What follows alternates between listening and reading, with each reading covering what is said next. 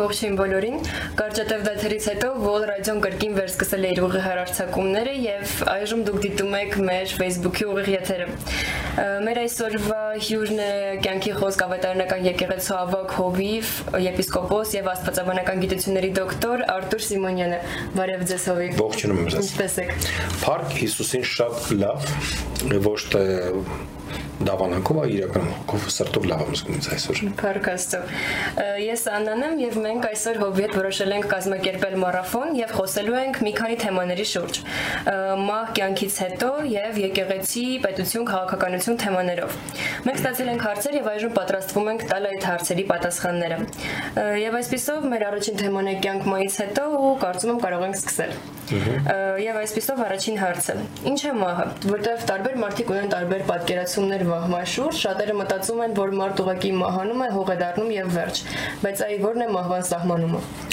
իրական թե սահմանում գոյություն ունի, բայց կարելի ասել մահը դա հոգու բացակայությունն է։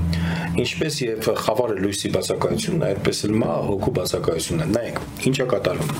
Ծննդոց գրքում մենք տեսնում ենք մարդու ստեղծագործությունը ոնց Աստված ստեղծեց մարդուն։ Գրված է եւ վերցեց ցեղից Ադամին, ստեղծեց։ Հետո իր հոգին փչեց, իր շունչը փչեց Ադամի մեջ եւ Ադամ եղավ կենթանի մարդ։ Իսկ հետո կողի ոսկրից վերցեց, ստեղծեց Եվային եւ դա ստեղծվեց, այսինքն մարդու ստեղծագործություններ։ Առանց հոգու մարդը չի կարող գոյատևի ինչ է կատարվում մարդուն, երբ որ ինքը մահանում է, տենց որ մենք խոսում ենք մահանում է, չէ, հոգին դուրս է գալի իրանից, այսինքն ինչ որ տեսնում ես, լսում ես, զգում ես, սա, ոնց որ պացիան լինի, մարմինը պացիան լինի, եւ մարմինը ընկնում է ներքև։ Իրականում որ ես եթե վերցնենք մարմինը, որ շատ ավելի շատ մարդիկ այսօր խնամք են անում մարմնին, քան հոգուն, ինքը իրականում այդքան էլ շատ մեծ հարուստ բան չի։ Ես մեկ անգամ մի աթեիստի հետ եմ խոսում, ասում է գիտես որ քո մեջ լիքը ворթեր են ապրում ասեց ոնց կարող է մեջ ворթեր ապրեն ասի հենրիկա հենց աստծո հոգին քեզանից դուրս գա շունչը որ աստված քեզ տվել է ворթերով լցվում ես դու ավելի շատ կապում ես քո կյանքը ես մարմնի հետ որ ամեն ինչ ես մարմինն է գաղափարն ասես մի բան որ այդ շունչը դուրս է գալի ուրա դուրս գալի նա չուներ պատասխան անորոշությունի մեջ էր իհարկե եւ ասեցի քո մարմինը լցվում է ворթեր որտեղից են ворթերը առաջանում դե ասում է բացատրեց իհարկե որտեղ պիցա ինչա ոնց է ասի իսկ ինչ է այդ որտերը դուրս չեն գալ այն ժամանակ երբ որ մարդու շունչը դեռ տեղն է որտեղ կա աստվածային երկնային շունչը, որ Աստված փիչեց, այնտեղ չկա ոչ մահ, այնտեղ չկա ոչ մի, այնտեղ կա կյանք։ Բայց երբ որ դա հոգին դուրս է գալի մարդուց, մարդը մահանում է։ Բայց մի բան էլ ասեմ, Ադամին եւ այն Աստված ասեց, եթե դուք ես պտղից ուտեք, դուք կմահանաք ես շատ այսպեսի խոսակցություններ եմ ունեցել աթեիստների հետ ու աթեիստները ինչ-ինչ են ասում որ բայց որ աստվածաշունչը ստում ասեց ինչու ասում Ադամն ու Եվան կերան ու չմահացան բայց իրականում այո իրանք ֆիզիկապես չմահացան բայց հենց այդ օրվանից մահացան հենց այդ օրվանից մահացան մահը մտավ աշխարհ հիմա ինչա կատարում աշխարհի մեջ ամեն ինչ է մահանում այս աթորը, որի վրա նստած ենք, մանալու է, մենք շփրտելու ենք միդեն։ Հակուստը, որով հակա հիմա հակած ենք մենք, օրից մեր մենք գցելու ենք։ Մանում է մեր մարմինը օրեցօր, այսինքն բոլոր ես միշտ ասում եմ կոսմետիկայի կոսմետիկ ֆիրմաները բարգավաճում մարդու մահվան վրա, այդտեղ ծերությունը գալիս է, ինչի որտեղ բջիջները մանում են մարդու մահը մտավ մարդու մեջ, այդ որ հոգին դուրս է գալ, դա արդեն վերջնականն է։ Բայց այսօր մենք ապրում ենք մահվան աշխարհում։ Մահանում են ծաղիկները, մահանում են ծառները, մահանում են մեքենաները, ամեն ինչ, որտեվ սա մահվան աշխարհը։ Չէ կարող այսօր աշխարհի վրա մի բան ցույց տա, որ չի մահանում։ Ամեն ինչն է մահանում, տները, հինանում են, փլվում են պատերը բայց երկինքը բաղկացած է կյանքով կոչվում է հարության աշխարհ կյանքի աշխարհ գիտես ինչ է որ եթե քեզ մի հատ ծաղիկ նվիրեցին այստեղ դու գիտես ինքը գեղեցիկ է լավ է բայց մի քանի օր հետո մահացած կլինի ինքը բայց երբ որ այնտեղ կան տան քեզ այդ ծաղիկները հաջորդ օր ավելի լավն է այն մյուս օր ավելի լավն է երկնքում մահ երկնքում մահ չկա այնտեղ հարություն ամեն դու քեզ տեսնում ես երիտասարդ գեղեցիկ հաջորդ օրը ավելի գեղեցիկ ավելի թարմ այն մյուս օրը ավելի գեղեցիկ ավելի թարմ Ինչպեսին է երկինքը կպատմեք։ ճիշտ ասած ես չեմ եղել միայն կարող եմ պատմեմ ըստ աստվածաշնչի եւ վկայությունների որ մարդիկ վկայում են մի առաջին մի բան ասեմ որ երկինք իրական է եւ նույնպես դժոխքն է իրական եւ այսօր որ շատերը մեզ լսում են այսօր ունեն ժամանակ չընտրեն դժոխք այլ ընտրեն երկինքը իրականում որ չընտրեն դժոխք նախ եւ առաջ ոնց որ ասեցի այստեղ մահվան աշխարհը դժոխքը կրկնակի հավիտենական մահվան աշխարհ է եթե այստեղ ապրելով այս աշխարհի վրա հույս ունենք որ վաղը լավ կլինի, դա դեռ այդ երկային զգացմունքն է, որ վաղը լավ է լինելու ոչինչ, այս տարի լավ չի, հաջորդ տարի լավ կլինի։ Այդ հույսն է։ Իսկ այնտեղ, որտեղ մենք ապրում ենք մահվան աշխարհը, ինչ որ լավին ձգտում ունենք, սա երկնային մեր բնավորությունն է, բնությունն է, այնտեղ դժոխքում հավիտենական մահն է, չկա հույս, չկա ոչ մի բան, որ արդեն վաղը լավ է լինելու։ Իսկ երկինքը լցված է հույսով, լծված է կյանքով մի տղայի հետ էի խոսում որ նա երկինքը տեսել է Այսինքն ես չեմ խոսում մարդկանց, որ երազող են տեսել կամ մի բան, խոսում մարդկանց, որ իրականում մահացած են եղել ու հարություն են առել։ Օրինակ ես տեսել եմ մարդ, որ 2-3 օր անգամ եղել է անատոմիկում հերձարանում է եղել եւ հարություն առել մեռելներից նրանք պատմում են եւ այդ պատմվածքը ինչ որ նրանք պատմում են Աստվածաշունչը հաստատում է։ Նախ եւ առաջ Պողոս Արաքյալ ասում է անպատմելի բաներ տեսա։ Նա ասում է այնքան այդ տղան որ ինձ պատմում էր, ասում է այնքան շատ էր սերը, որ վախ չկար, սիրո մեջ վախ չկար այս աշխարհը լցված է վախով նույնպես։ Մենք վախենում ենք մեզ համար, մեր երեխաների համար, մեր ծնողների համար, մեր հարազատների համար, բարեկամների համար աղքատանալուց, ամեն ինչից վախենում ենք։ Կյանքում ինչ որ բան չստացվելուց, չամուսնանալուց կամ ամուսնանալուց, ամուսնանալու դեպքում էլ ենք վախենում, չամուսնանալու դեպքում էլ ենք վախենում, երեխա ունենալու դեպքում էլ ենք վախենում, չունենալու դեպքում էլ ենք վախենում, մեքենա քշելուց էլ ենք վախենում, չքշելուց էլ ենք վախենում։ Վախը լցված է այս աշխարհի մեջ։ Երկնքում վախ չկա նա ասում է ես գիտեմ աշխարհի ժամանակով երևի մոտ 3-4 ժամ պարկած է խոտերի մեջ մի հատ այգը դաշտ էր ասում է մարդ չկար իսկ պարկած է ու գիտես վաղ չկար ինձ բնությունը սիրում էր խոտեր ինձ սիրում են անց իրանք կենթանի էին իրանք են ինքնք ուզում են հետը շփվեն ու իրանք շփումը իրանք այդ քամուտ զենը այդ շփումը այդ ամեն ինչը ինձ երաշտություն էր ես չի ուզում վեկանայ մտքով ես մտածում եմ բայց երևի պետքա կամ ու հետո դու հասկանում ես որ դու հավիտենականության մեջ ես պետք չի վրա շտապել տեղ չկա դու կարող ես այդտեղ շատ մնաս այնտեղ կա ծով շատերը մտածում են երկին գնացին էլ ոչ մի բան մարդիկ չեն անում ոչ ստեղծագործում են պատմում են որ մի ճարտարապետ օվկիանոսի տակ ծով ծովի տակ քաղաք էր սարքում եւ մարդիկ գնում տեսնում էին այն ինչ որ դու կաս չի մանում, դա տիրոջից է տրված, այդ ստեղծագործական ամեն ինչ։ Իմիջիալոց երկինքը որ կա, երկինք հասկացողությունը, որտեղ Աստծո աթոռն ամեն բան կա դրակտը, ավելի մեծ է, քան այս աշխարհը։ Մի քանի անգամ ավելի մեծ է երևի տասնյակ անգամ, 100 անգամ ավելի մեծ է, քան այս աշխարհը բոլորի համար տեղ կա այնտեղ եւ այնտեղ չկա չարը, չկա մահը եւ չկա այդ ցուրտը։ Այսինքն մենք կարող ենք եզրակացություն անել այդ բոլոր վկայություններից, որ ճիշտ է ամեն ինչ։ Այսինքն մարդկանց երևակայության արդյունք չէ, այլ հաստատված է։ Գիտեք, երկինքը հավատքի բան է, հավատում ես թե չես հավատում։ Իհարկե, մենք երկուսով որպես մարդիկ, որ հավատում ենք Աստծուն, մենք հավատում ենք, բայց կարող է հիմա մեկը մեզ լսում, ասում է դա սուտա, դա պարզապես հորիմաց մի բան է կամ այդ սնդաբանությունը, ինչ որ այսինքն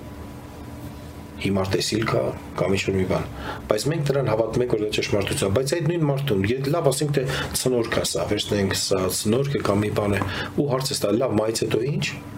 չունեմ պատասխան շատերը ասում են որ մենք վերակցվում ենք ատոմի եւ վերանում ենք բայց եթե անգամ գիտական որն է ատոմն էլ չի վերանում ատոմն էլ չի վերանում, ինչ որ մի բանի մեջ ինքը մնում է։ Մենք չենք վերացնում ատոմի։ Մենք պարզապես տեղափոխվում ենք քանի որպես հովիվ հովական ծառայությանս մեջ ժամանակ առ ժամանակ լինում է որ ես լինում եմ մարդկանց կողքը իրանց վերջի րոպեներին գիտեք այն մարդիկ որ աստուն հավատացած են իրանք շատ խաղաղությամբ են իրանք հրեշտակներ են տեսնում չի եղել մի րոպե որ ես հավատացյալի կողքը լինեմ ինքը չասի հրեշտակներն եմ տեսնում նույն դեպքում աշխարհիկները ոչ մի հրեշտակ չեն տեսնում անգամ մեկ անգամ մի կնոջ մոտ է, որ այդ ժամանակ այդ ժամանակից հավատացյալ չէի։ Նա գոռում էր ինձ, «Փրկեք ինձ, փրկեք ինձ»։ Տևեր եկել ինձ տանելու, մարդիկ մտածում էին է, բայց դա ճշմարտություն էր։ Գիտես, կարևոր չի ոնց ստապնաս աշխարհի մեջ։ Կարևորը ով է քեզ գալու դիմավորի, երբ որ դու մարմնից դուրս եկար։ Օրինակ շատ մարդիկ վախենում են մահից եւ կասեք ինչ է լինում մարդու մահից հետո ու արդյոք մահը ունի իշխանություն գիտեք շատերը վախենում են մայից, որովհետև ճունեն, որովհետև անորոշության մեջ են։ Ինչա այդ անծանոթ աշխարհը ուր ես գնալու անկամ եթե հիմա հանաճան ես քեզ ասեմ արի ես քեզ ուղարկեմ Վրաստանից ինչ գյուղը քո մեջ կարող այդքան չէ բայց նորից վաղ կմտնի ինչ եմ ես այնտեղ անելով այս դիմավորելու որտեղ եմ քնելու ինչ եմ բայց դու պատկերացրու սա խոսվում արդեն հետ չգալու մասին դու հավիտյան գնում ես եթե անգամ հավատացյալն է դրանից վախենում ինքը ունի մեծ ինքը դեռ աստուն լավ չի ճանաչի օրը ինչու ասու խոսքը ասում քո արքայությունը գա ինչպես երկնքում այնպես երկրի վրա որ այդ արքայությունը մենք պետք է այստեղ էսկանք ու երբեք վախ չունենանք մահից Հիսուսը եկավ հաղթեց մահը ասեց մահ ուր է քո խայթոցը գերեզման ուր է քո ախտությունը եւ նա հաղթեց գերեզմանը նա հաղթեց մահը եւ մահը իշխանություն չունի մեզ վրա գիտեք Հիսուս Քրիստոսին խաչի վրա մահը չմոտեցավ ինքը իր հոգին բաց թողեց գրված է իր հոգին բաց թողեց ոչ մի հավատացյալի մահվան ոգին չի մոտենում։ Ամենասարսափելի բանը ոչ թե մահն է մահվան ոգին։ Դա սարսափելի մի դեպ է, որ մարդուն մոտենում է։ Ոչ մի հավատացյալի չի մոտենում մահվան ոգին։ Ինչքանով որ ես լսել եմ հոգու անջատվելը, տենց ասենք, հա, որ հոգու անջատվելը մարմնից, դա չկոչե, դա չկոչենք մահ, որովհետև մահ որոշվում է դրանից հետո մարդ գնաց դժոխք, մահացավ, թե մարդ գնաց երկինք, անկամ որ գնում ես հողարկավորումների կամ ասենք թե ինչ որ մեկի տուն պանիկիդայի ես գնում, երբ գնում ես հավատացյալի մոտ, ափսոսանք կա, բայց ոգին չկա, այդ հեկեկալը չկա ափսոսանք կա, կարոտ կա, մխիթարություն կա բայց մեջը։ Երբ որ գնում ես ոչ հավատացյալ, ուզում ես հեկեկաս ու լասես որտեղ գիտես մարդը մահացավ։ Էլ հետադարձ ճանապարհ չկա նրա համար։ Եվ Ինչքան մարդիկ գնացել են, գիտեք ինչ են ասում, որ ամենը թոքյո բաժանվել է մարմնից, ամենամեծ հաճույքը մարդ ունի շատ հաճույքներ իր կյանքի մեջ, ասենք թե ուրախության հաճույքը, որ մարդ վերապրում է, չէ, ունի ասենք թե մարդու կյանքի մեջ դրված է նույնպես կշտանալու հաճույքը, սոված ես կշտացար դրա հաճույքը, գոյությունը սեռական հաճույք, գոյությունը տարբեր հաճույքներ մարդու կամ ասենք թե երջանկության հաճույքը բոլոր ասում են այդ մարմնից անջատվելու հաճույքը ավելի է քան մնացած բոլոր հաճույքները երբ որ ես թեթևություն ես ասում այդ որ դու թրիչկի մեջ ես այդ ամեն ինչը իհարկե մենք սա միայն լսել ենք լսել ենք ու աստծո խոսքներ sense ասում է Քրիստոս իր հոգին բաց թողեց ու մենք տեսնում ենք առաքյալների թղթերի մեջ դրա մեջ ոչ մի վախենալու մի բան չկա բայց մենք չենք խոսում այսօր մարդ եթե զգա դա հաճելի բան է պետք է ինքնասպան լինի ինքնասպանությունը նույնպես մեղ կա որովհետև գրված աստծո խոսքի մեջ պատվիրանը մի սպանիր ինչքան աստված քեզ տալիս է հնարավորություն այդքան պետք է ապրես ու իրան ծառայես ամենահեշտ բանը սա կյանքից գնալն ամենադժվար բանն է կյանքի մեջ մնալը որ ու ճիշտ ձևի մնալը սուտ ձևի ամեն մեկը կարող են մնան բայց ճիշտ մնալս կյանքի մեջ ու լինել կյանքի վկա մահվան կյանքում լինել կյանքի վկա Շատ լավ, շնորհակալություն։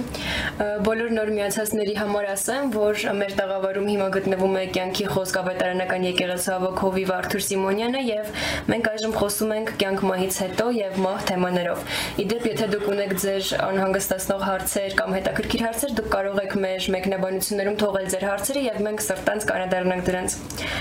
Եվ այսպեսով շարունակենք։ Ես գիտեմ, որ երբ դուք նոր եք ապաշխարել, դուք տեսել եք դժողքը։ Այ կպատմեք ինչ ինչպես դա պատահեց եւ ինչպես ինչպես է այնտեղ դա եղել է կոմունիստների ժամանակում էր դեռ ես տիրոջը հանդիպեցի դա այդ մասը կթողենք ոնց հանդիպեցի տիրոջը թե ոնց ապաշխարեցի ոնց եկեղեցի կա որտեվ ես ինքս մեծացել եմ անավատ ընտանիքում այսինքն իմ պապիկս աթեիստ է եղել աստուն չէին հավատում եւ ես աստուն եմ եկել ու հենց առաջի օրն էր ասում է եկել ես երջանիկ էի վերապրում եմ երջանկություն զգում եմ տիրոջ ներկայությունը իմ կյանքի մեջ բայց երբ որ եկա տուն մի միտք եկավ։ Դու գիտես այդ ժամանակ ինչ էր նշանակում հավատացյալներ, ես էլ երիտասարդ էի։ Միայն տատիկ պապիկներ են հավատքի գնում։ ու մի քանի երիտասարդ կար, որ նրանց երեխաներն էին։ Միթե կթողես ամեն բան ու գնաս այդ տատիկ պապիկները տաղոթես, իմ մոտ կար sense գունավոր կյանք ես ունեմ ֆինանսական խնդիր, կար գունավոր կյանք եւ մի թե այդ ամեն ինչը կթողես ու կգնաս երկրպագելու, ծնկի վրա կանգնես տատիկ պապիկների տաղոթելու ողջ կյանքը նվիրես ես մտածում եմ ծխելը թողել եմ, բայց պարզվեց որ չէի թողել այդ օրը ծխելը, որովհետև ես տիրոջ հետ հանդիպում եմ ունեցել ու նորից վերցրի ծխաղոտը, սկսեցի ծխել ու հանկարծ գիտեք հայերենում մենք ցավոք սրտի չունենք այդ բառը, բայց ռուսերենում կա сон и сновидение այսինքն երաս ու ոնց որ ասած երաս տեսիլք երաս տեսիլք երաս ու ես այդ սնավիդենիայի մեջ եղա ոնց որ անջատվե ու հանկարծ ես զգում եմ որ ես իմ մարմնից դուրս եմ գալիս եւ տեսնում դիմաց հրեշտակա կանգնած հրեշտակը թևերով չէր որտեղ հրեշտակը հետո ես տեսա որ հրեշտակների դասեր առանձին են ուղղորդող էր ինքը ինձ ասեց արի իմ հետևից շատ երիտասարդ գեղեցիկ տղամարդ էր տղա էր այսինքն բայց պետք չէր մեկը ինձ ասել որ դա հրեշտակ է, ես գիտեմ որ դա հրեշտակ է զորություն կար նրա վրա իմիջիոց երկնքում ասեմ չկա ծերություն բոլորը երիտասարդ են այնտեղ բոլորը 30 տարեկանի տարիքի չափ են բոլորը եւ ես նրա հետևից գնացի մենք ինչ ան գետնի տակը եւ մի ժանգոտած դռներ էր որը բացվեց ու մտանք այդտեղ այդ դռները փակվեց ուդեղ սկսվեց սարսափը բայց ես հրեշտակետևից գնում էի։ Նախ եւ առաջ այդտեղ խոնավ էր, լույս չկար, մտություն, խոնավություն ու չկար հույս հույսի բացակայություն, որ վաղը լավ կլինի, այդ հույսը գոյություն չուներ։ Ու ես հասկացա, որ դա դժոխքն է։ Մենք ոնց որ դա բանկ լիներ, կատկտոսներ էր, ամենասարսափելի բաներից մեկը մեղքի հոտն էր, որ ոնց որ սատկած կատու կամ սատկած շուն, եթե տեսել եք պտած, այդպեսի հոտեր ամեն մեղք ուներ իր հոտը եւ լինում է ժամանակ որ միտեղ գնում ես ոնց որ հետևդ մեկը լինի վախենում ես շրջվում ես դա սատանայի ներկայությունն է շրջվում էր բայց նա չկա ուծի ծաղոր ոնց որ ծաղրեր ամեն մարդ ինչ մահով մահանում էր այդ մահով այնտեղ մահանում էր բայց չէր մահանում չէր վերջանում եւ ինչ որ ուզում ես հիշես մոռացած ես լինում ինչ ինչ որ ուզում ես մոռանաս հիշում ես այդտեղ այսինքն process-ը շարունակական է process-ը շարունակական ու հավիտյան է ու դու գիտես մի բան զգացում որ սա լինելու արդեն հավիտյանի չկա փրկություն դրանից այն ինչ որ ուզում ես հիշես մոռանում ես այն ինչ որ ուզում ես մոռանաս հիշում ես ավոր հոտ սուրտ եւ խավար սուրտ եւ խավար հետո ից մեկը ասես բա կրակելիչը տեսար ասեցի չէ ճիշտ ասես կրակելիչը չտեսա եւ հետո ես որ աստվածաշունչ արդեն ստեցի կարդալ տեսա որ կրակելիչ դժոխքը գծվեց կրակելիչը դա բանտ է մին դուրա բացվում ես տեսնում եմ պապիկիս։ Իմ պապիկս ըս կոմունիստ էր, որ միշտ գլուխ էր գոն, որ երբեք եկեղեցում չի եղել։ Ես շատ եմ սիրում պապիկին ու վստահ եմ։ Իր պատճառով ես էլ եկեղեցում չի եղել։ Եվ դուրը բացում է նա շատ սարսափելի աչքերով ինձ անայում։ Ուզում ես թռնես գրկես պապիկիդ, բայց այդ զգացմունքը չկա այնտեղ։ Ես ուզում եմ իր այդ գործ չունենամ։ Եվ մի աչքերով դու էլ ստեղ եկար ոչ մի ափսոսանք, ոչ մի սեր, ոչ մի բան։ Ամեն մեկը մտածում է իր համար։ Առանձին մի տեղ էր խուցի մեջ էր ինքը։ Գնում ենք մի հատ մեծ սրահ, եւ այդ սրահում երիտասարդներ են, շատ երիտասարդներ, ուսանողական տարիքի։ Ես հասկանում դրանք են մարդիկ են որ մահացել են տարբեր լեզուներից, տարբեր դեպքերից իմիջալոց աղջիկ աղջիկ են տղան տղաները տղա են։ Շատերը որ կարծում են իրանց այսօր շատ մոդայական ազատությունը իհարկե երևի հաջորդ շաբաթ դրա մասին մենք խոսենք դրա մասին խոսենք իրանց սերը փոխեն, իրանք պետքա որոշեն, ոչ թե Աստված պետքա որոշի իրանք տղա աղջիկ, իրանք են որոշելու ու իրանք սերը փոխում են, միևնույն է, գնում են դժոխք, որպես աղջիկ կամ տղա, հավիտյան լինում են այն ինչ որ իրանք կան։ Դրա համար ավելավա այստեղ դու համաձայնվես այն ճշմարտության մեջ որ դու ունես ու գտնես Քրիստոսին։ Ու ես այդ տարապանքը որ տեսա, հրեշտակը ձեռքսից բռնեց ու ասեց. Եթե մեկ անգամ էլ այստեղ, չէ, ասեց արի գնացինք։ Ու ես միակ հույսս հրեշտակներ, որ ես տեսնում եի նրան։ Գնում ենք դևը փակել էր դուրը, գիտեք դևերը ոնց նման էին, տարբեր էին նրանք իհարկե կան կենթանատիպ տարբեր անգամ դևեր կար առնետների պես 2-3 մետրանոց վազում էին մարդկանց վրայով օծեր, առնետներ, դա դաժան մի տեղ էր։ Ամեն ինչ փդած էր եւ Մել Գիբսոնը Քրիստոսի չարչարանքներ ֆիլմի մեջ շատ լավ նկարագրել է Դևին։ Հիշում եք, եթե տեսել եք այդ ֆիլմը, նա ոչ աղջիկ, ոչ տղա, ինչ որ միջին սերի է։ Ինչ որ միջին սերի է այսօր սարսափելի է որ մոդան էլ երբ որ դու տեսնում ես փոխում են մոդա բոլոր մոդելները ոչ աղջիկ են ոչ թե միջին սերի են նրանք ինչ որ մի բան բայց այդտեղ դևերը շատ անգամ նման են նրանց ու երբ որ հեշտակը ձերքս բռնեց մի դև ինձ նայում էր կարոտած աչքերով որ դու ինձ պետք է ես քեզ գրավեմ դու իմն ես ոնց փոկվեցիր ձերքերիցս Եվ մենք երբ որ դուրս եկանք հրեշտակը ասացի այդ նայր։ Ես այդ նայեցի այդ դարպասներին, որը փակվեց ու մութ էր։ Դիմացս լույս էր։ Ասեց, եթե մեկ անգամ էլ այստեղ մտնես, այլևս այստեղից դուրս չես գա։ Այսինքն դրողքից դուրս գալու հնարավորություն չկա, եթե անգամ մարդ ապաշխարի։ Հա, որտեվ իմը տեսիլք էր։ Ես անձամբ մահացած չեմ եղել։ Ես եղել եմ եւ սա տեսիլքի մեջ էր դա մեջը իմ հոգին ընդեղ չէր։ Պարզապես Սամոսոր ասած երկնային туриզմ էր, երկնային էքսկուրսիա էր։ Եվ ես sense ոնց որ հետ եկա, իմ միտքս ամեն ինչ հետ եկա արտնացա քրտնիքի մեջ էի։ Կոտրեցին ծխախոտները, բոլոր կամուրջները սայրեցի որ ինձ աշխարհ կարար տաներ այդ օրվանից սկսած մինչև այսօր ծառայում տիրոջը ոչ թե միայն փրկության համար իմ փրկության հարցը լուծված է ես լուծել եմ իմ փրկության հարցը տիրոջ հետ միասին ես այսօր ջանք եմ անում օր ու գիշեր աշխատում եմ ուրիշների փրկության համար որpիսի ոչ մեկ չգնան այն տեղը, որտեղ ես որ ես տեսա։ Շատերին ինձ կասեն, այնքան ենք ուզում երկինքը տեսնենք, ասում եմ, գիտես դժոխքն է տեսնես ված չի լինի։ Այլևս չես ուզին տեղ գնաս։ Իսկ այ օրինակ սատանան գտնվելով դժոխքում, այ արդյոք ունի նա հնարավորություն դուրս գալու այնտեղից կամ ներում ստանալու ներում ստանալու հնարավորություն նա չունի, որովհետև Աստվածաշունչը գրված է, որ մարդու նույնպես մարդը տրված է մեկ անգամ կյանքը ու դատաստան, նույնպես սատանայի համար չէ, որ սատանան գծված է եղել երկնքի շատ շուտ, երբ որ ինքը իրան աստծո տեղն էր դրել հետաքրքիր մի հարց կարող է ձեզ մոտ գալ, չգիտեմ այդ հարցը, բայց մի քանի օր առաջ Instagram-ով ինձ հարց տվեցին, ասեցին ով Արտուր կարող եք ասեք, եթե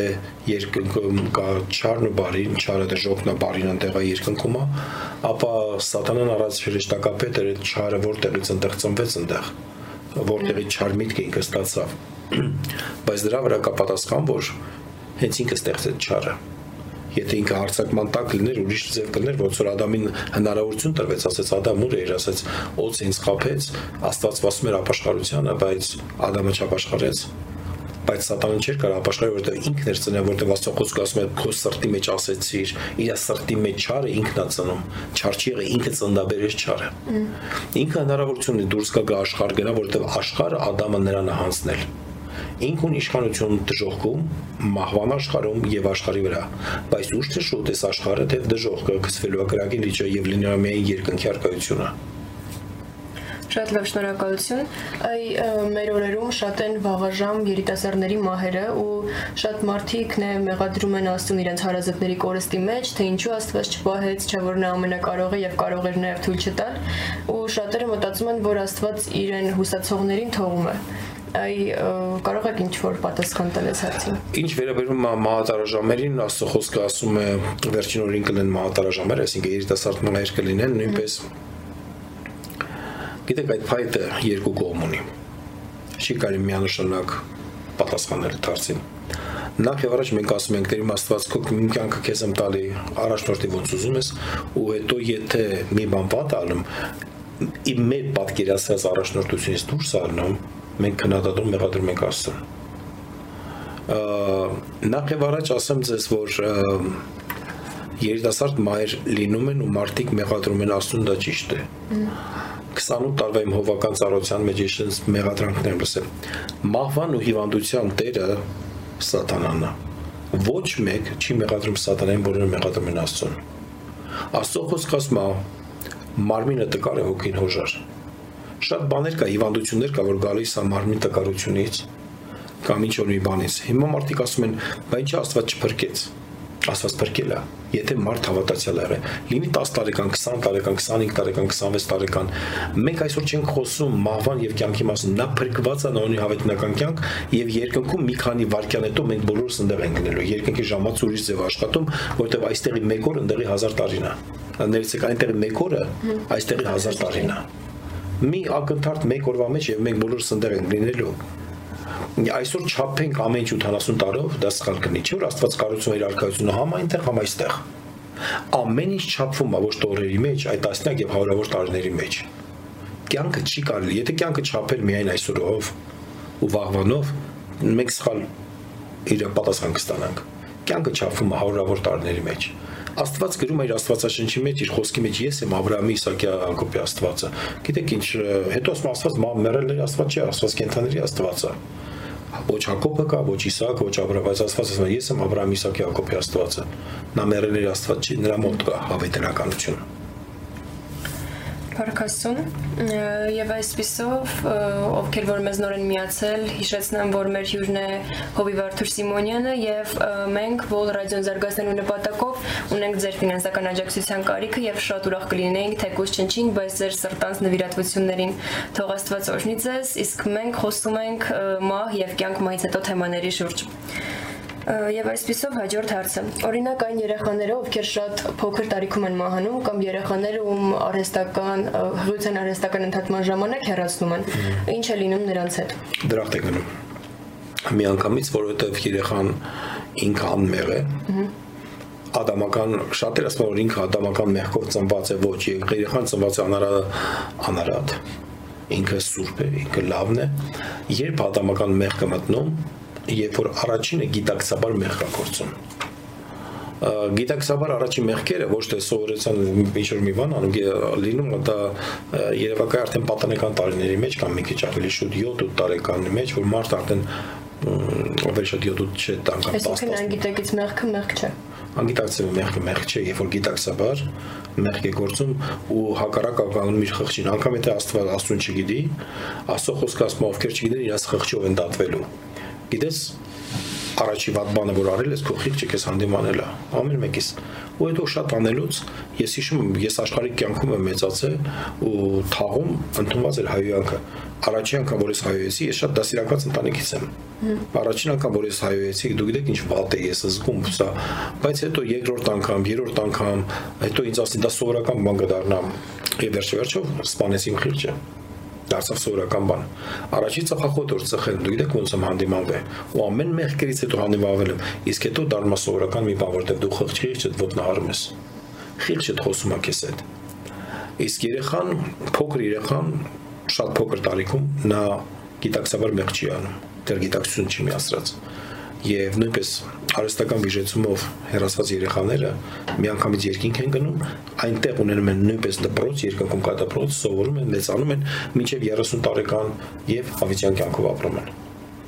Շնորհակալություն, այ մենք խոսեցինք երկնքից, մահից, դժողքից, բայց այ որն է ճանապարհը դեպի երկինք եւ հավիտենություն։ Հիսուս Քրիստոս ասաց. Ես եմ ճանապարհը, ես եմ ճշմարտությունը։ Մենք չունենք ուրիշ ճանապարհ, ուրիշ ճշմարտություն, միայն Քրիստոսը։ Հավատալով Հիսուս Քրիստոսին մենք ձեռք ենք բերում, ապրելով Քրիստոսի կյանքով։ Այն այն կյանքն, ինչ որ Քրիստոսը պատվիրել էր։ Հիսուս ասեց. Ես եմ կյանքը, ես եմ ճշմարտությունը։ Միգուցե այսօր մեզ լսում են այսին ոչ թե միգուցե եթե լսում են Facebook-ով տարբեր տեղերով պարզապես ամեն մարդ իր սենյակում կարող է աչքերը փակի եւ ասի Տեր իմ Հիսուս ներիր ինձ իմ մեղքերս իմ կյանքը քեզ եմ տալիս։ Այդ օր ինքը կվերածնվի։ Տերը կների իր մեղքերը եւ ինքը կդառնա նոր մարդ ու նոր կյանքով մեկ անգամ միշնազող կնոջը բերեցին Քրիստոսի մոտ, որ պետքա քարկոծվեր մանար եւ Հիսուսը ասեց. Առաջին թոքարը նետի այն մարդը, որ մեղ չի գործել։ Բոլորը գնացին։ Հիսուս ասեց. Ես եկել եմ մեղադրում։ Գնա այլևս մեղ մի գործի։ Գիտեք, հիմա մեկը ինձ հարց կտակ ասի, միթե հնարավոր առանց մեղ կորցելու ապրել, որտեղ մեղքը այնքան բազմազան է։ Իմ միգուցե հնարավոր չի, որտեղ ինքը ժամանակ առ ժամանակ փոխում է իր գույնը, իր երեսը, բայց պայքարել պետք է։ Ապրել առանց պայքար գնա այլևս մեղ մի գործի, այսինքն պայքարի մեղքի դեմ։ Հաղթիր։ Սա է մեր զինվորությունը, նախ եւ առաջ։ Ոչ թե հաղթենք, չգիտեմ ինչեր, այ հաղթենք մեղքը։ Շատ լավ շնորհակալություն պատասխանների համար մեզ մոտ հաջորդ թեման է եկեղեցի, պետություն եւ քաղաքականություն։ Եվ այսպիսով ունենք հետաքրքիր հարցեր եւ բոլոր նոր միացածների համար ասեմ, որ մեր տաղավարում է Հովիվ Արթուր Սիմոնյանը եւ այժմ կխոսենք եկեղեցի եւ պետություն թեմայով։ Ձեզ հարց են ուղել հովիվ Հայաստանյան ավետարանական տարբեր եկեղեցիների ավակ հովիվների միջև արկա խնդիրների եւ անհանդուրժողականության վերացման համար ինչ քայլեր եք ձեռնարկում։ Նախ առաջ աղոթում ենք։ Երկրորդը բարեկամանում ենք շատ հանդիպումներ ենք ունենում, փորձում ենք Աստվածաշնչով ապրենք, որպեսզի եթե վերցնենք եկեղեցիների ու ավետարանականների միջև, ես մի քիչ համաձայն չեմ հանդուրժողականության բառին, հենց հանդուրժել։ Որտեվ հանդուրժել նշանակում է, որտեղից է եկել հանդուրժողականության հանդուրժել բառը, երբ որ քրիստոնյաները հալածվում էին Կոստանդինոպոլիսում կայսրը հանդուրժողականության օրենք հանեց որ հանդուրժեն քրիստոնյաներին այսինքն ռուսերեն ինքը կոչվում է վերացիրկումից դիմանան հանդուրժեն դիմանան քրիստոնյա եկեղեցին իրար պետք է սիրեն ոչ թե հանդուրժեն այ ինձ թվում է բոլոր խնդիրները սկսում այդտեղից որ մենք հանդուրժում ենք իրար Հայաստանում Երևանցին պետք է սիրի Ղարաբաղցուն Ղարաբաղցին պետք է սիրի Երևանցուն ոչ թե իրար հանդուրժեն, այս սիրեն Մենք պետք է սիրենք Աբարանցուն, Ղափանցուն, Լորեցուն, Լորեցին պետք է սիրի մյուսներին, սա պետք է կառուցի մեր ազգը հենց այդպես։ Եկեղեցիները, ավետարանականները պետք է սիրեն ասենք թե հոգեկարստականներին, հոգեկարստականները, բապտիստներին, բապտիստները, ավետարանականներին, բոլորը առաքելականներին, առաքելականները բոլորին, չէ որ մենք նույն նպատակ ունենք, երկինք տանենք մարդուն եւ քարոզենք Աստծո ավետարանը։ Ինչն է մեզ խանգարում մենք իրար սիրենք։ Եվ դրա համար նախ եւ առաջ պետք է մեր գաղափարը փոխենք հանդուրժանքությունից դեպի սերը։ Ոչ թե դիպլոմատիկ ձև իրար հանդուրժենք, մենք քաղաքական դաշտում չենք գտնվում, մենք հոգեվոր դաշտում ենք գտնվում եւ հայրը մեկ է։ Չէ որ եթե ասենք տարբերություն չկա մեր մեջ, մարդկության մեջ կա տարբերություն, բայց երբ որ գնում ես հորտունը, դուք բոլորդ քույր եղբայրներ եք։ Մենք պետք է ազգենք, որ մենք մի հոր մոտ ենք եւ բոլոր երկուր եղբայրների պես տեսնեն համաձայն եմ ձեզ հետ։ Այ գիտենք, որ հնում եկեղեցին ունեցել է շատ մեծ դեր եւ նշանակություն թե պետության եւ թե պետական կառավարման մեջ։ Ինչ եք կարծում, ներկայումս պահպանվում է փոխադարձ այդ կապը, թե եկեղեցին եւ պետությունը գործում են իրարից անկախ ու առանձին մարմիններ են։ Ես կարծում եմ չի կարելի հինը բերել հիմա, հիման բերել հինը, այսինքն ժամանակները։ Ես շատ եմ կարդացել հայկական պատմությունը, հիմա էլ ոնց որ ասած շատ եթե ինձ հարց են տալի ամենասիրած գրքերից մեկը որն ասում Փաստոս Բյուզանտն է, որ շատ եմ սիրում։ Գիտեք, կար ժամանակ, որ թակավորները իրաց տեսիլքի մեջ չեն, որտեղ իրաց գործը չեն, այդ ժամանակ եկեղեցին ազգապահպան գործեր անում ու նույնպես քաղաքականությունները սպառվում բարձրացնում էր երկիրը, որտեղ պետք է պահպանել երկիրը։ Կարելի ասել եկեղեցին պահում էր ազգը։ Դա ուրիշ ժամանակներ էին։ Հիմա ժամանակները փոխվել է եւ այսօր պետությունը անջատ է եկեղեցուց մի կողմից ոնց որ տենց օրենքը համաշխարհային օրենք է բայց մյուս կողմից նայած ոնց է թղթով նայես թե իրական պետությունը չի կարող անջատել եկեղեցին եթե պետությունը ես եմ ու դու ես այստեղ հարց է ցակում աննա արի ասենք ով է պետությունը ընդհանրապես հասարակությունը եւ ինձ թվում է այն մարդիկ ովքեր ապրում են Բոլորը մեզ լսում են, ես կուզեմ հարց տամ, ով է պետությունը։ Եվ բոլորս եկեք հասկանանք, որ պետությունը դա մենք ենք, ես եմ, դու ես։ Ով է եկեղեցին մարդիկ, ովքեր հավաքվում են Աստծո խոսքի համար։ Նորից ես ու դու։ Հա։ Հիմա եթե ես մտածում եմ այսպես, պետությունը ես եմ, ու եկեղեցին ես եմ, ո՞նց կարող ես անջատել եմ իրարից։ Այսինքն մի խոսքով դրված այս օրենքը, որ եկեղեցին չխառնվի պետական գործերի մեջ, օրենքների մեջ, իսկ նրանք չխառնում են եկեղեցական գործերի մեջ, բայց իրականում մենք բոլորս մեկ ենք, մենք եկեղեցի ենք, մենք պետություն ենք իհարկե եւ այդ անջատելնելը կարծում եմ այդ մարդիկ, որ այդ օրենքները գրում են, բացատրել չեն կարող կամ էլ լավ տեղեկացված չեն ինչ է եկեղեցին եւ ինչ է պետությունը։ Այսինքն ամեն դեպքում պետք է լինեն միասնական։ Այո, չես կարող անջատես։ Ոնց կարելի, ասենք թե անջատել քեզ ինչ որ մի բանից Եթե ես եթե ես սխալվում եմ, թող մեկ ինձ իրականում շտկի, եթե պետությունը ես եմ, ապա դրա համար ես հարկ եմ տալիս։ Ես գնում եմ ձայն եմ տալիս նույն եկեղեցու մարդիկ գնում ձայն են տալի ով պետք է լինի մեր պետ ոչ թե մեր պետությունը այլ պետության ղեկավարը չէ որ մենք ընտրությունների ժամանակ պետություն չենք ընտրում մենք ծնվել ենք այս պետության մեջ մենք ընտրում ենք պետության ղեկավար եթե ես գնում եմ ձայն եմ տալի, հարկ եմ տալի, լինելով պետությունը ընտրում է պետության ղեկավար, մարդը Ես հասարակության անդամ եմ եւ ես պետության մասնիկ եմ կազմում։ Չգիտեմ որ մասնիկ, բայց մի փոքր մասնիկ եմ կազմում։ Նույնպես եկեղեցու ներսում գրված է որտեղ երկուսը երեք հավաքվեն, ես այնտեղ նրանց մեջ եմ, ես կազմում եկեղեցական մասնիկ։ Պետության մեջ եկեղեցին, եկեղեցին ոնց կարելի բան չբաժանել այս բանը։ Բաժանել հնարավոր չի։ Շնորհակալություն պատասխանի համար։ Այ ո՞րն է եկեղեցու դերն ու նշանակությունը դեպքում պետության մեջ ինչ պիտի անի եկեղեցին որպես եկեղեցի։ Այ այստեղ իսկ կասեմ, որ եկեղեցին պետության մեջ մեծ գործ ունի հասնելու բայց երևի շատ չպիտի խառնվի այսօրվա դիպլոմատիայի մեջ, այսինքն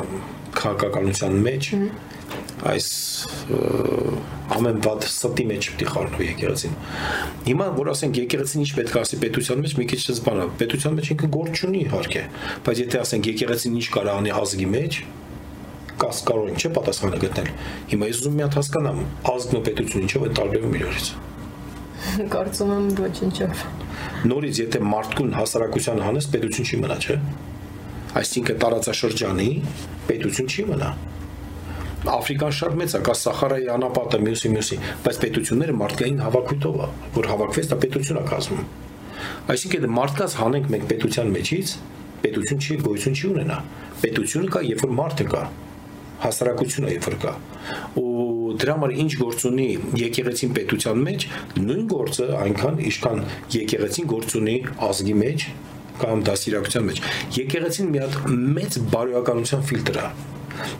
իրականում եթե եկեղեցին իր կոչումն մեջ ամնա մտնում ոչ թե խառնվում է ինչ որ կառուցության գործերի կամ ինչ որ քաղաքական դաշտերի ինչ որ սրան նրան դնել մյուսին հանելու բայց եկեղեցին զբաղվում է զուտ իր գործով. Քարոզել ավետարանը, սիրել մարդկանց, բարիություն քարոզել մարդկանց, օգնել մարդկանց եւ երկնքի ճանապարհը ցույց տան, ասել որ Աստված կա։ Հենց մարդիկ հասկացան որ Աստված կա, իրանք իրաց տեղը կդրեն Բայց երբ որ մարդը իմանա Աստված չկա, ինքը իրեն աստուտեղ կդրի։ Վերցնենք քաղաքական գործիչներին։ Դա գիտեք, վերցնենք փարաոններ, ես շատ եմ ուսումնասիրել փարաոնների կյանքը։ Շատեր իրենց համեմատում են հենց Աստծո հետ։ Այո, հենց իրանք ասում են, ես Աստված եմ։ Կար մի փարաոն, կարծեմ Էխնատոնն էր երևի,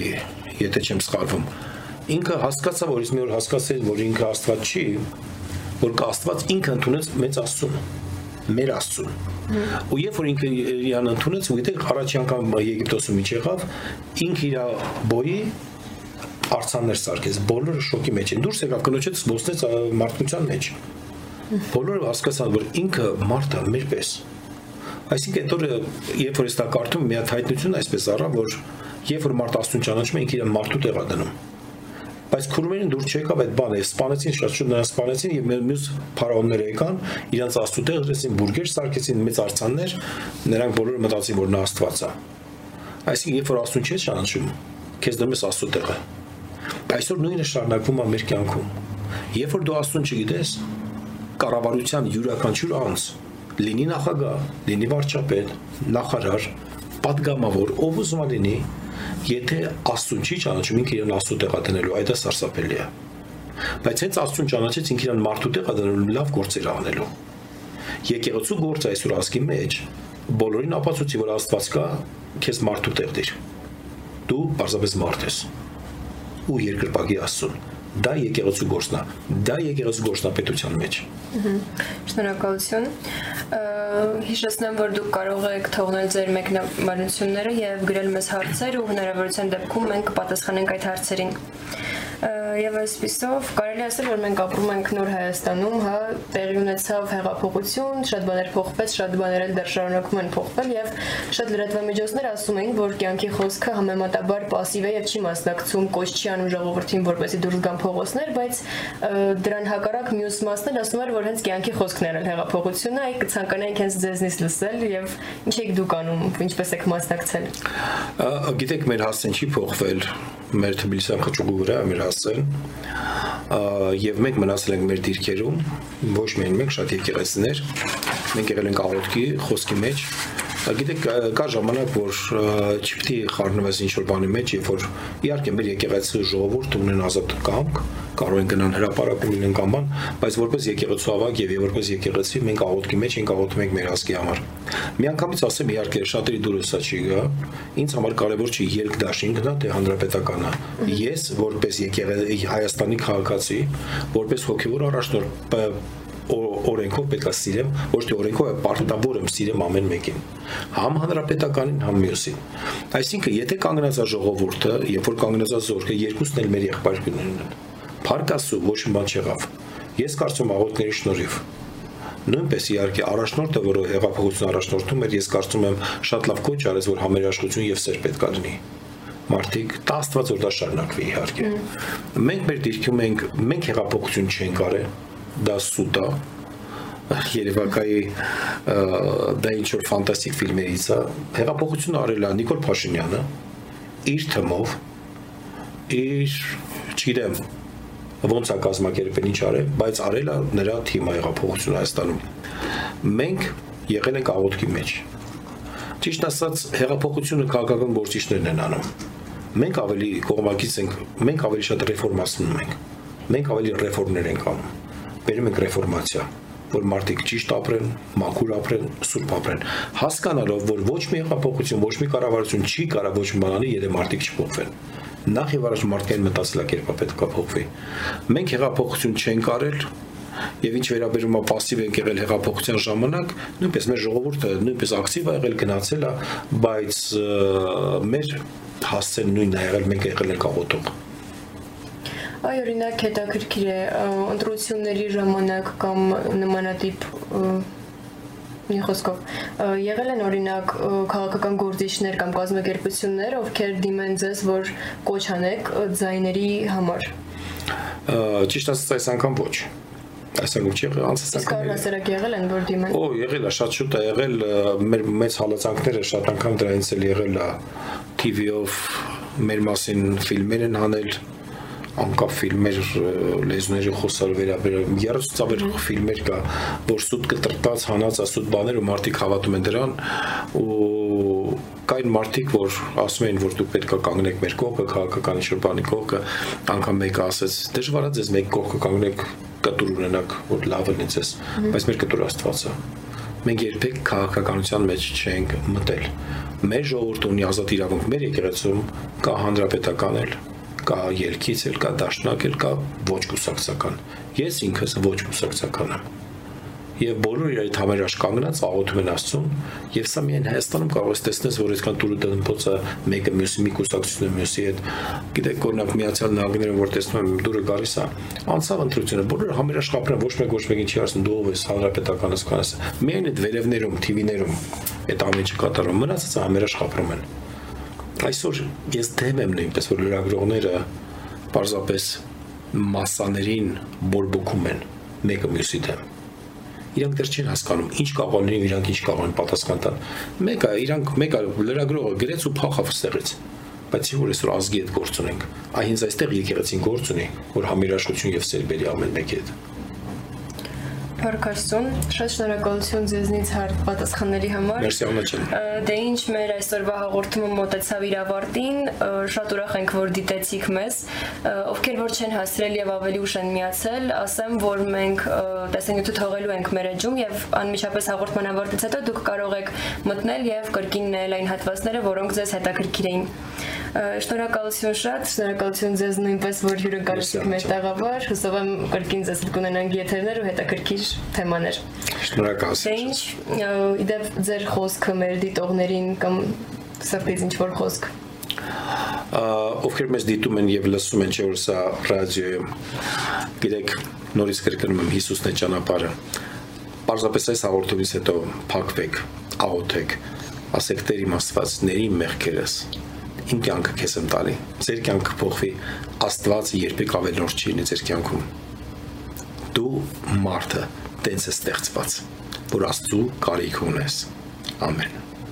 Փառք Տիրոջը, Աստված օրհնի ձեզ շատ։ Դուք դիտում եք Vol Radio Facebook-յան ուղիղ եթերը,